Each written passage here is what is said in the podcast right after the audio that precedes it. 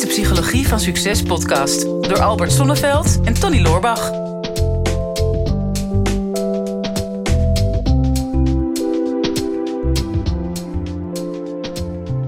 Is het nu alweer tijd, uh, Tony? Ja, het is tijd om aan het werk te gaan. Uh, wat voor tijd is het eigenlijk vandaag? Is het nou werktijd of privé-tijd? Hoe, hoe werkt dat precies met jou?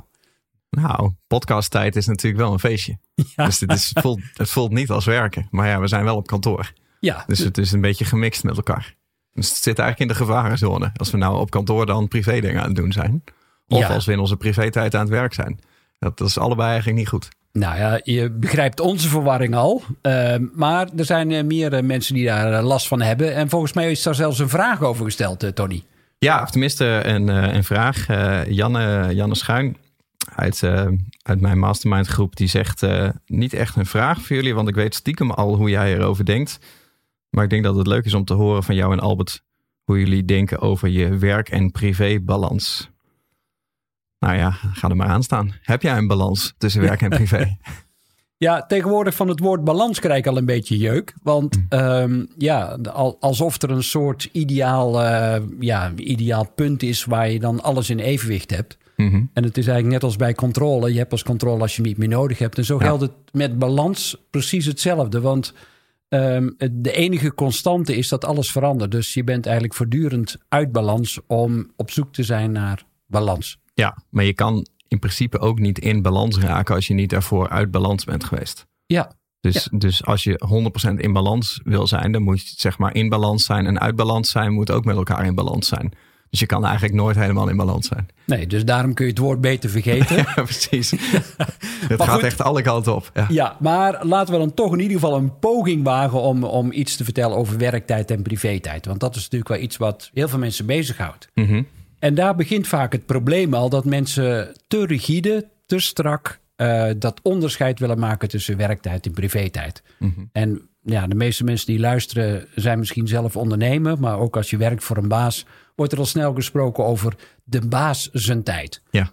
Nou, uh, je hebt maar één tijd en dat is jouw tijd. Mm. En als je kijkt naar onze eigen kalender, dan kun je zeggen: we hebben 168 uur per week. Mm -hmm. Uh, en dat gaat nooit veranderen, want dat heeft te maken met de omlooptijd van de zon, de maan en de aarde. Mm -hmm. En volgens mij zal het voorlopig nog wel even zo blijven. Ga ik wel vanuit, ja. Ja, dus de belangrijkste vraag is: hoe wil je met die 168 uur per week omgaan? Mm -hmm. Nou, uh, hoe doe je dat zelf, Tony? Hoe, wat, wat is voor jou, om toch maar het woord nog maar even te gebruiken, een ideale balans als het gaat over werktijd en privé-tijd in die 168 uur?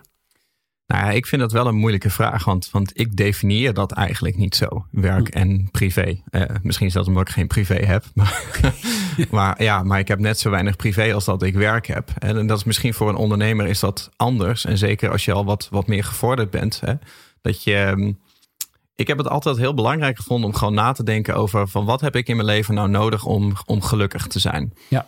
En uh, alles wat ik daarvoor nodig heb, dat moet eigenlijk in mijn dag of in mijn week moet dat, moet dat naar voren komen. Mm -hmm. En stel dat ik nu bijvoorbeeld zou stoppen met mijn business, hè, zou stoppen met werken, zoals je dat dan zou kunnen definiëren, dan zou ik daar niet gelukkig van worden. Want er zitten in dat werk wat ik doe, zitten een heleboel dingen waar ik gelukkig van word. Hè, om, om, om dingen te bouwen, om, om persoonlijk te groeien, om een bijdrage aan andere mensen te kunnen leveren. Dat zijn dingen die zitten in mijn werk. Dus als ik dat weg zou laten, dan dan zou ik niet gelukkig zijn. Maar denk, mag je het dan bestempelen als werk? Of is het gewoon je zijnswijze? Is het gewoon wat je doet? Dus bij mij is het gewoon een soort van totale invulling om het liefst zo groot mogelijk percentage van de dag alleen maar datgene te doen wat ik het op dat moment het allerliefste zou willen doen. Ja, dus nou. ja, dan ben je in balans, maar dan is het dus eigenlijk ook geen onderscheid. Nee, nee, precies. Nou ja, ik heb dat in het verleden wel geprobeerd. Ik was heel trots op mezelf. Ik noemde mezelf uh, Mr. Time Management, omdat ik. Uh, oh god. Ja, ja, ja, ja, ja ik, had, ik, had, het echt geleerd. Ik, ik, wist hoe ik prioriteiten moest stellen. Ik wist hoe ik uh, grenzen moest aangeven. Ik had allerlei mm assertiviteitscursussen gevolgd. Nou ja, ik wist hoe ik hulp moest vragen. Ik wist hoe ik, hoe ik moest delegeren. En uh, ik had zelfs die perfecte indeling gemaakt. Als je 168 uur hebt, dan heb je ongeveer 90 uur per week aan wat ze dan noemen persoonlijk onderhoud. Mhm. Nou, wat is dat dan? Natuurlijk een derde van je leven slaap je al. Dus Mhm. dat is al een hele tijd. Maar ja, dan ook nog wassen, plassen, boodschappen doen, eh, eten verzamelen. Hè, dus. En nou, de loodgieter bellen, tandarts. eh, nou, al die praktische dingen, daar schijn je dus gemiddeld 90 uur per week mee bezig te zijn. Mhm. Nou, stel nu dat je 40 uur werkt, dan heb je nog zo'n 38 uur over voor privé dingen. En mensen willen dat dan zo optimaal mogelijk invullen. Dus oh, dan moet er gesport worden, dan zijn er allerlei hobby's, sociale contacten, familie, eh, gezin, dat moet er ook allemaal nog bij. Mhm. En ik probeerde met name in dat laatste stuk van die privé-tijd, probeerde ik zoveel mogelijk te proppen. ik word er zelfs emotioneel Ja, van. ik merk het, ja. ja. het gaat heel diep dit. Ja. gaat super diep. Maar dat, dat lukt dus niet. En dan merkte ik weer dat ik te veel met mijn werktijd bezig was. Ik Denk, Mhm. nou ja, ik werk toch zeker wel 50 uur per week. En dat betekent dat ik weer 10 uur afgesnoept heb van mijn privé-tijd. Mhm. En daar zat de grootste stress voor mij. Mhm. En inderdaad, wat jij zo heel mooi zegt, op het moment dat je dat eh, kunt gaan loslaten, ja, dan komt er een soort eh, ontspanning. En uiteindelijk, het enige wat ik nu nog zeg is, er is maar één tijd en dat is jouw tijd. Ja. En hoe ga je ermee om? Dat is uiteindelijk je leeftijd. Ja, precies. Nou ja, maar dat, de, je- ik zie gewoon bij heel veel mensen dat, dat daar een onderscheid in zit. Hè. Je hebt een heleboel, eh, je hebt een aantal verschillende levels. Hè. Je hebt eigenlijk de, ehm, de, de gemiddelde Nederlander, laten we noemen, die gewoon ergens in loondienst is. En zonder namen te noemen. Hè. Dus laten we zeggen, iemand die gewoon ergens werkt. Eh, omdat er nou eenmaal brood op de plank moet komen. Van ik heb een baan en ik ga daar naartoe en ik lever daar uren. En die uren die ruil ik voor geld. En dat geld heb ik nodig om rond te komen. Ja. Maar eh, zolang ik aan het werk ben, dat is voor mij gewoon een investering. Dan overleef ik gewoon. Dus mijn dag begint eigenlijk pas smiddags om vijf uur. En in het weekend. En dan Ja. begint mijn echte leven. Ehm, en denk, ja, dan, dan wordt het wel een beetje een karig leven. Als jij gewoon 40, 50 uur per week eigenlijk uitzit om te wachten totdat je kan beginnen met leven. Of dat je wacht tot je pensioen en dat je dan alles kan gaan doen wat je altijd al had willen doen. Ja. Dat is eigenlijk heel raar. Hè? Dat je op je 67ste straks pas de dingen gaat doen die je eigenlijk zou willen doen. Dan, dan, dan heb je ja, misschien wel een balans van nou 40 uur per week werken, 40 uur per week ontspannen. Maar eigenlijk is dat natuurlijk een hele rare balans. Nou ja, en het verdrietige is, en dat zie ik natuurlijk ook veel in mijn eigen praktijk, is dat veel mensen bereiken dan dat pensioen en je ziet ze binnen twee jaar overlijden. Hè? Omdat Mhm. ze dan ja, zo lang daar naartoe geleefd hebben en dan uiteindelijk merken dat zingeving, dus zin en betekenis kunnen geven, meaningful work, dat valt dan weg. Mhm. Ehm, en dan zouden ze dat op een andere manier moeten gaan invullen en dat lukt dan niet meer. Mhm. En dan zie je ze ja, een, een of andere vervelende ziekte krijgen of een hartinfarct. En dan is het in één keer afgelopen. En dan de hele omgeving herkent dat ook. Die zeggen van ja, dat, dat zie je heel veel gebeuren. Mhm. Hetzelfde ook bij mensen die dan op vakantie gaan en zeggen hè, hè Mhm. eindelijk tijd voor mezelf of een sabbatical, ook al zoiets. Hè? Dus, Ja. Maar als je daar dan ehm, ja, te veel van verwacht, zie je vaak dat mensen allerlei teleurstellingen krijgen over hoe ze dan meer met die tijd moeten omgaan. Want dan hebben ze uiteindelijk niet de invulling die ze graag hadden willen hebben met die sabbatical. Klopt. En dan zijn ze daar weer teleurgesteld over. Hè? Dus Ja, en dan is het wel privé-tijd, maar dan is het eigenlijk niet de tijd waar jij het meest gelukkig van wordt. Hè? Dus dan is het die benaming ook heel raar. En ik, en ik kan me wel herinneren hoor, toen, eh, toen ik net werkte, toen kwam ik net van de, van de middelbare school, of net van de, van de opleiding, toen begon ik met werken. En toen weet ik nog dat ik heel vaak dacht van ja, ik wil in het weekend wil ik eh, niks plannen, want ik wil wel iets aan mijn weekend kunnen hebben. ja, En dat is achteraf eigenlijk heel raar. Van, hé, ik wil eigenlijk niets moeten, want anders heb ik niks aan mijn weekend. En dan Hmm. meestal na zo'n weekend heb je zoiets van, nou, eigenlijk ben ik een beetje down geraakt. En ik baal er een beetje van dat het alweer voorbij is. Want eh, ik had er misschien wel meer uit kunnen halen. Dus je haalt inderdaad geen zingeving, geen voldoening daaruit. En ik denk dat ehm, de mensen die zich daaruit ont- ontworstelen, dat zijn dan vaak de mensen die eh, bijvoorbeeld iets meer carrièregericht zijn. Dus die zijn veel meer bezig met hun werk van ik wil ermee ergens naartoe. Of gewoon mensen die gewoon heel veel plezier hebben in hun werk. Eh, of bijvoorbeeld de ondernemer, hè? Die, die ook ergens naartoe werkt. Alleen bij ondernemers zie je het ook. Van ja, eh, ofwel ehm, ze werken te veel uren, omdat ze gewoon nog heel veel taken hebben. Die ze eigenlijk niet zouden moeten doen. Ja. want zodra het als werk voelt, dan zijn het eigenlijk de dingen waar jij dus geen energie van krijgt. Mhm. Laat, mag, als ik dat zo mag stellen. Ja, jij mag dat zo stellen. Dus oké, dus laten we zeggen, je hebt een probleem. Ik maak eigenlijk te veel werkuren. Dan zeg je eigenlijk van, ik moet nog te veel uren spenderen die ik eigenlijk liever niet zou willen spenderen. Want als je ze wel zou willen spenderen, zou het geen werk zijn. Ja. Dus je doet nog te veel dingen die jij niet zou moeten doen. Of je moet te veel van jezelf. Hè, dus dat je het idee hebt dat je minstens 80 uur per week in je business moet steken, omdat je anders geen voldoende van jezelf krijgt. Dat is wat eh, onze goede vriend eh, Bas altijd zo mooi zei. Hij zei, ondernemers, dat zijn de enige gekken die 80 uur per week werken om te voorkomen dat ze ergens anders 40 uur per week moeten werken. Ja, ja, dus dat is wel het verschil. dat is het verschil. Dus ja, wat je eigenlijk zegt, en, en daar komen we wel een beetje op de kern van, ehm, van, denk ik, de stress die veel mensen hebben als het gaat over tijd, hè, de werktijd en privé-tijd, is wanneer moet je iets en wanneer wil je iets. Mhm. En wat ik altijd zeg is, eh, op het moment dat mensen het gevoel hebben dat ze iets moeten, dan hebben ze geen keuzemogelijkheid. Mhm. En als er iets is wat stress geeft, dan is het wel het gevoel dat je geen keuze hebt. Nou, je hebt altijd een keuze. Alleen misschien is het als ondernemer moeilijk om die keuze te maken. Mhm. En je bent juist ondernemer geworden om het gevoel te hebben dat je meer keuzemogelijkheden hebt dan iemand anders die bijvoorbeeld in loondienst is. Ja. Maar ook dat blijkt vaak een eh, grote desillusie te zijn. Mhm. Als je een eigen bedrijf hebt, lijkt het alsof je vrij bent. Eh, maar je bent pas echt vrij op het moment dat je op elk moment van de dag in staat bent om keuzes te maken die jou een goed gevoel geven. Nou ja, en om ehm, de samenhang te zien tussen dat alles wat jij in je werk doet en in je privé doet, dat die niet van elkaar zouden hoeven verschillen. Hè? Dat zowel jouw privéactiviteiten als jouw werkactiviteiten moeten eigenlijk beide dingen zijn waar je gelukkig van wordt. Ja. En hè, we kennen de, de, de Six Human Needs van Tony Robbins. We hebben allemaal een behoefte aan consistentie. Nou, dat kan je zowel in je privé vinden, eh, in je vaste routines, maar dat kan je ook in je werk vinden. Hè? Ja. Je, je vaste inkomen of je vaste taken die je elke week doet, of je vaste meetings met, eh, met je team. Of je wekelijkse podcast. Precies. Ja, nou, dit voor ons is dit consistentie. Och, heerlijk, ja. Maar wat, wat is dit voor ons ook? Dit is voor ons bijvoorbeeld ook een stukje persoonlijke groei. Hè? is ook Ja. Mhm. een van de six human needs. En voor, voor ons ook, want wij eh, we praten wel heel veel. Maar elke keer als ik dingen mezelf hoor zeggen, dan denk ik al, dit is echt geniaal. Dat, Ja, briljant. Had ik dit maar eerder geweten. nee, maar ja, leer weer heel veel van jou. Dus dat is groei. Maar eh, contributie, hè, dus bijdragen aan anderen, is ook een van de six human needs. Nou, dat doen wij bijvoorbeeld ook met, met deze podcast. Maar dat doen wij ook allebei in onze business. Ja. Eh, nou, in onze business zit ook een stukje, stukje variatie. Ehm, we hebben veel contact met onze collega's en met onze eh, klanten. En we bouwen communities. Dus ja, we hebben ook een stukje connectie. Dus we hebben die six human needs. Zeg maar eigenlijk de zes eigenschappen die je nodig hebt om gelukkig te zijn. Die hebben wij in ons werk allebei zitten. Ja. Dus dan mag je het eigenlijk niet als werk zien. Dan is het gewoon als iets wat ons gelukkig maakt. Ik zou nog wel wat meer waardering voor jou willen hebben, Tony. Dat, zou nog wel, dat is nog wel iets wat ik, eh, zeg maar, een van de needs. Die, die komt in de podcast nog wat weinig naar voren nog, maar goed. Ja, maar dat is, dat is hoe je het interpreteert. Kijk, ik ben een Groninger. Dus als ik na zo'n podcast tegen jou zeg, viel niet tegen, dan is dat een enorm compliment. Oké, ja.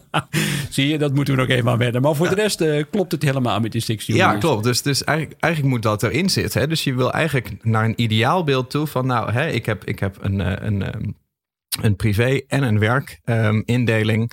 iedere week, iedere maand, waar eigenlijk alles in zit wat ik nodig heb om gelukkig te worden.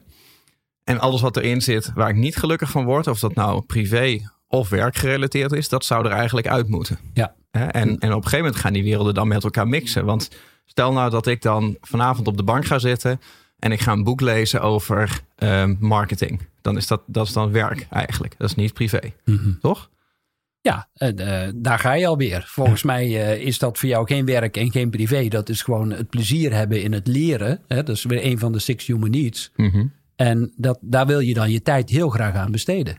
Ja, maar ja, kijk, ik heb natuurlijk een marketingbedrijf. Dus, dus je zou dat kunnen zien als van, je bent je aan het ontwikkelen voor je werk. Dus je bent Mhm. aan het werk. Ja. Maar wat dan als ik een boek over neuromarketing pak? Ja, dat is ook nog marketing, maar dan gaat het over psychologie. En psychologie vind ik interessant. Ja, Dus dat is privé.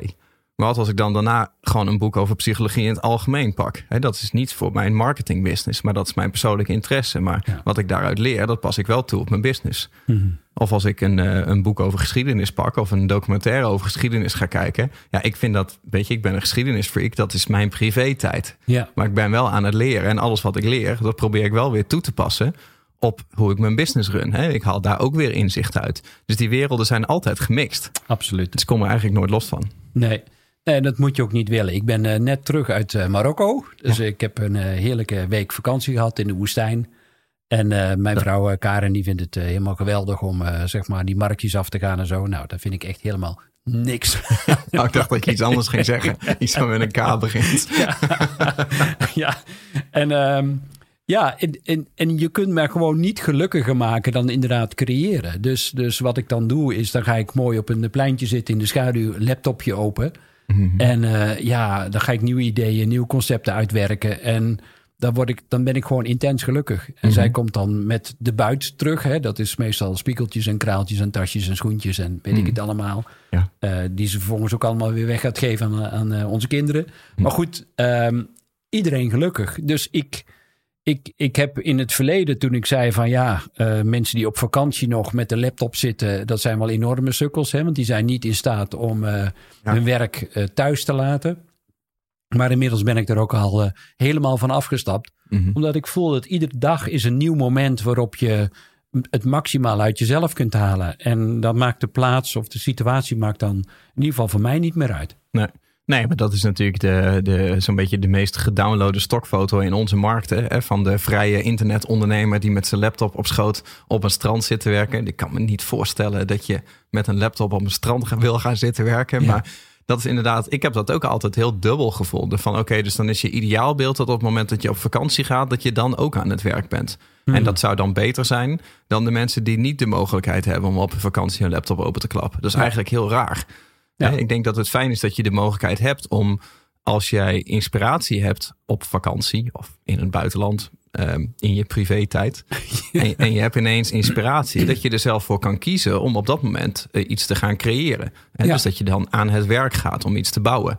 Maar ik bedoel, vroeger als kind speelde je met Lego. Nou had je ook ineens inspiratie om iets te gaan bouwen en iets te gaan creëren. Dat voelde ook niet als, ik ga nu aan het werk. dus ik ga de komende paar uur ga ik een kasteel bouwen. Dus ik ben even aan het werk. En daarna ga ik weer aan mijn privé-tijd denken. Nee, absoluut dus niet. Dat, zo voelt dat natuurlijk helemaal niet. Het enige voordeel op kantoor, als je op kantoor werkt... is dat je niet zo makkelijk zand in je zwembroek krijgt. Maar dat is ook... Precies, ja.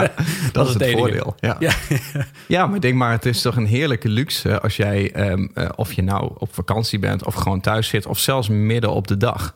Um, op kantoor. Dat je ineens iets hebt van nou, ik heb eigenlijk niet meer zo'n uh, zo'n zin vandaag om iets te gaan maken of iets te creëren. Of uh, er zijn eigenlijk gewoon dingen op de planning waar ik niet zo'n zin in heb. Dus die ga ik gewoon lekker niet doen.